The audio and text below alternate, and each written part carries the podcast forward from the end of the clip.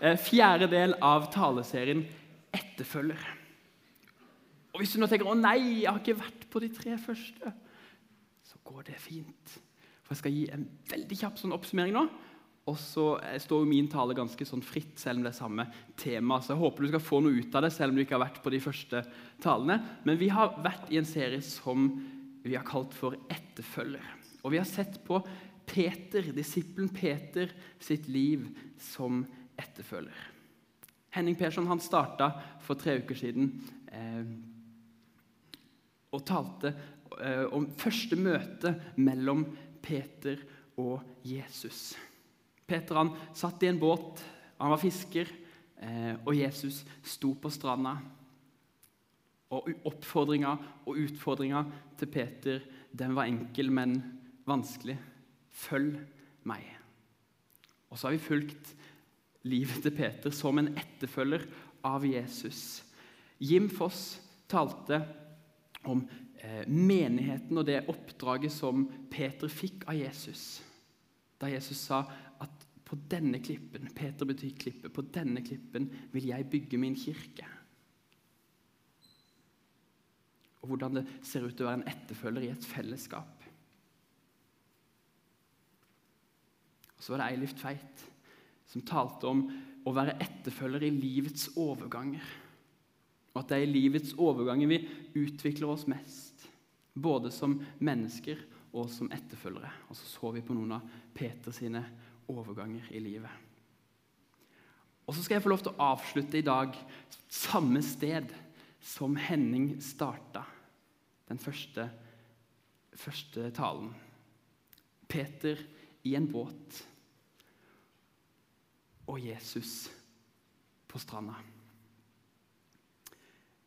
Men denne gangen er det ikke første møte. Denne gangen er det på slutten av Jesu virke. Peter har vært en etterfølger i tre år, og Jesus han har nettopp dødd og stått opp igjen fra de døde. Og rett før Jesus døde, så svikta Peter Jesus. Og han fornekta han tre ganger. Og Så møtes de her, Peter i båten og Jesus på stranda. Og så skal vi lese Johannes 21, 1-7 nå innledningsvis. Siden åpenbarte Jesus seg enda en gang for disiplene ved Tiberiasjøen. Det gikk slik til Simon Peter Thomas, som ble kalt Tvillingen, Natanael fra Kana i Galilea, Sebedeus-sønnene og to andre av disiplene hans var sammen der. Simon Peter sier til de andre, 'Jeg drar ut og fisker.' 'Vi blir også med', sa de. De gikk av sted og steg i båten, men den natten fikk de ingenting. Da morgenen kom, sto Jesus på stranden, men disiplene visste ikke at det var han. 'Har dere ikke noe å spise, barna mine?' sa Jesus til dem. 'Nei', svarte de. 'Kast garnet ut på høyre side av båten, så skal dere få', sa Jesus. De kastet garnet ut, og nå klarte de ikke å dra det opp. Så mye fisk hadde de fått. Disippelen som Jesus hadde kjær, sa da til Peter, 'Det er Herren.' Da Simon Peter hørte at det var Herren, bandt han kappen om seg. Den hadde han tatt av og kastet seg i sjøen. Vi skal stoppe litt her, for jeg blir like fascinert av den fortellingen hver gang jeg leser den.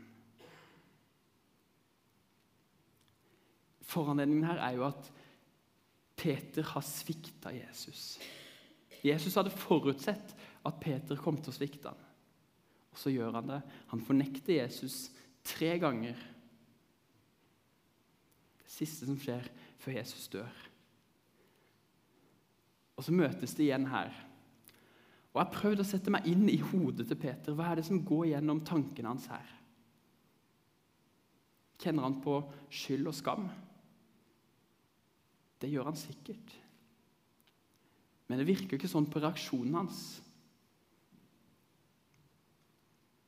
Når han handler på instinkt, og han bare umiddelbart, når han skjønner at det er Jesus som står på stranda, kaster seg ut av båten og svømmer i land. Han hadde ikke tid til å vente på at båten skulle komme til land.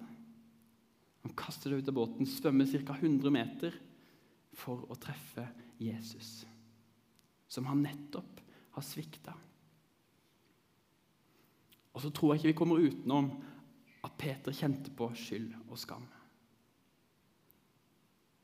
Men så tror jeg også at etter tre år som etterfølger av Jesus, etter tre år med å ha sett hvordan Jesus møter de som har svikta, etter tre år med å ha levd nær til Jesus, som møter mennesker som sliter med å få livet til, som ikke klarer å gjøre det som er rett og godt. Og så har han sett at Jesus møter dem med nåde med kjærlighet og med tilgivelse, så tror jeg at han, selv om han kjente på skyld og skam, så hadde han et håp. Og han hadde troa på at han skulle bli møtt med det samme. Derfor tror jeg reaksjonen hans er at han bare kaster seg ut av båten. Helt desperat etter å få treffe Jesus og få den tilgivelsen og få den kjærligheten som han visste han trengte.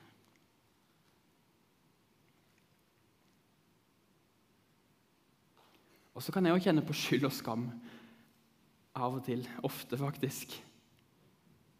For jeg klarer heller ikke å få til livet sånn som jeg skulle ønske. Sånn som jeg burde. Men så vet jeg at det er en Gud, jeg har en Jesus, som står på stranda og venter på meg. Og som er klar for å ta meg imot når jeg kommer svømmende med mine feil og mangler. Med alt jeg er, så kan jeg komme til han. Og så kan jeg stole på at han som har møtt alle med kjærlighet, han vil møte meg med kjærlighet. Og han vil møte deg med kjærlighet. Jeg tror kanskje det var det Peter tenkte, hvis han tenkte i det hele tatt. Vi skal fortsette i teksten. Vi hopper over Eh, et lite måltid. De spiser sammen på stranda der når de andre disiplene også har kommet i land. Og så står det fra vers 15 her Da de var ferdig med måltidet, sier Jesus til Simon Peter.: Simon, sønn av Johannes, elsker du meg mer enn disse? Han svarte, Ja, Herre, du vet at jeg har deg kjær. Jesus sier til ham, Fø lammene mine. Igjen, for annen gang, sier han, 'Simon, sønn av Johannes, elsker du meg?' 'Ja, Herre, du vet at jeg har deg kjær', svarte Peter. Jesus sier, 'Vær gjeter for sauene mine'. Så sier han for tredje gang, 'Simon, sønn av Johannes, har du meg kjær?' Peter ble bedrøvet over at Jesus for tredje gang spurte om han hadde ham kjær. Og han sa, 'Herre, du vet alt. Du vet at jeg har deg kjær.' Jesus sier til ham, 'Fø sauene mine.' Dette møtet på stranda var litt annerledes enn det første møtet deres på stranda. For Jesus og Peter hadde noe uoppgjort. Og Jesus gir Peter muligheten til å gjøre opp for seg. Tre ganger hadde Peter fornekta Jesus. Banna på at han ikke kjente ham. Rømt når ting ble vanskelig. Og tre ganger så får Peter muligheten til å erklære sin kjærlighet til Jesus. Og så står det faktisk at han ble bedrøvet. Han ble litt, ble lei seg den tredje gangen han får spørsmålet. Men så tror jeg kanskje han ble letta når han får svart for tredje gang og skjønner at nå har jeg gjort opp for meg. Nå har jeg gjort opp for den, det sviket og den fornektelsen. Og så får han jo videre oppdrag her av Jesus. Men ikke noe nytt oppdrag, det er en bekreftelse på det oppdraget han allerede har fått.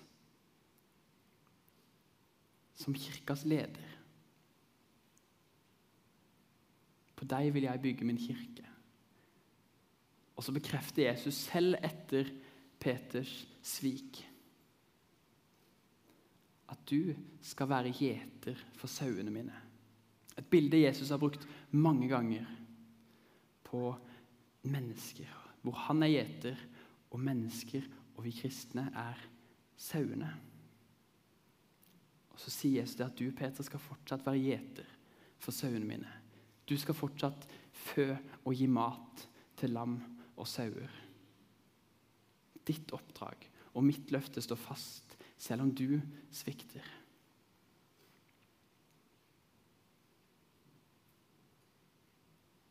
Så blir Peter gjenreist.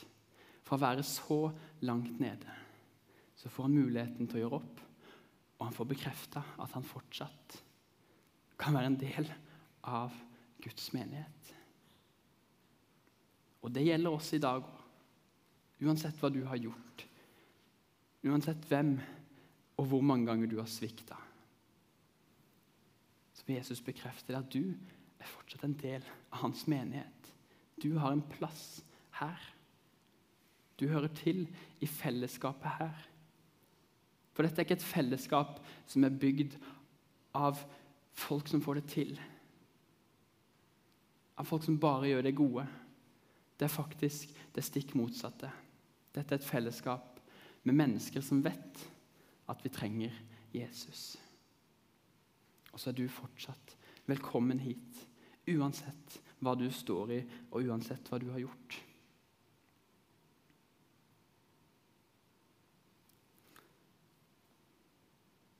Og så hopper vi litt i teksten igjen.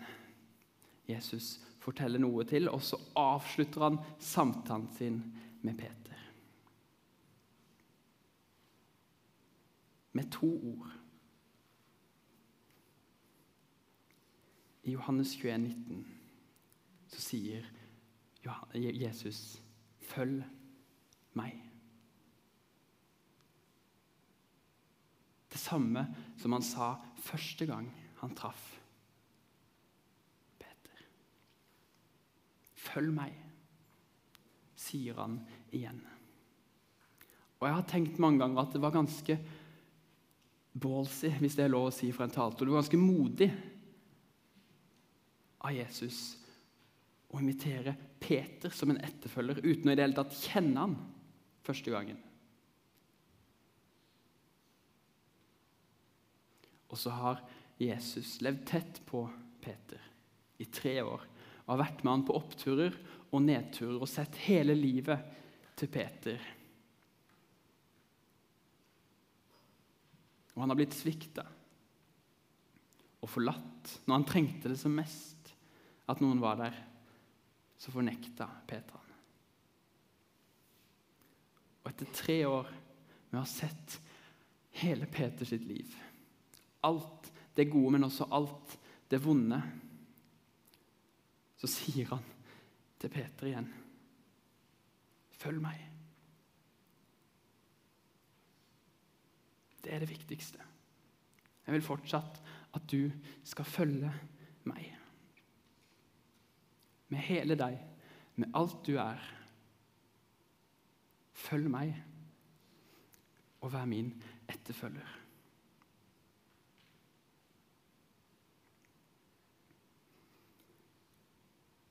Vi skal be. Kjære Jesus, takk for ditt kall til alle oss om å være dine etterfølgere. Takk for at du inviterer oss med til å leve tett nær til deg med alt vi er. Du vet alt om oss, Jesus, og du ønsker likevel å ha noe med oss å gjøre. Jeg ber deg Jesus om at skylden og skammen må gi slipp, sånn at vi kan kaste oss ut av båten og svømme til deg og få den nåden og tilgivelsen vi trenger. Jesus, jeg ber deg om styrke i fellesskapet til å være dine sauer, men også gjetere og ledere for flokken. Så takker jeg deg for at vi kan være dine etterfølgere.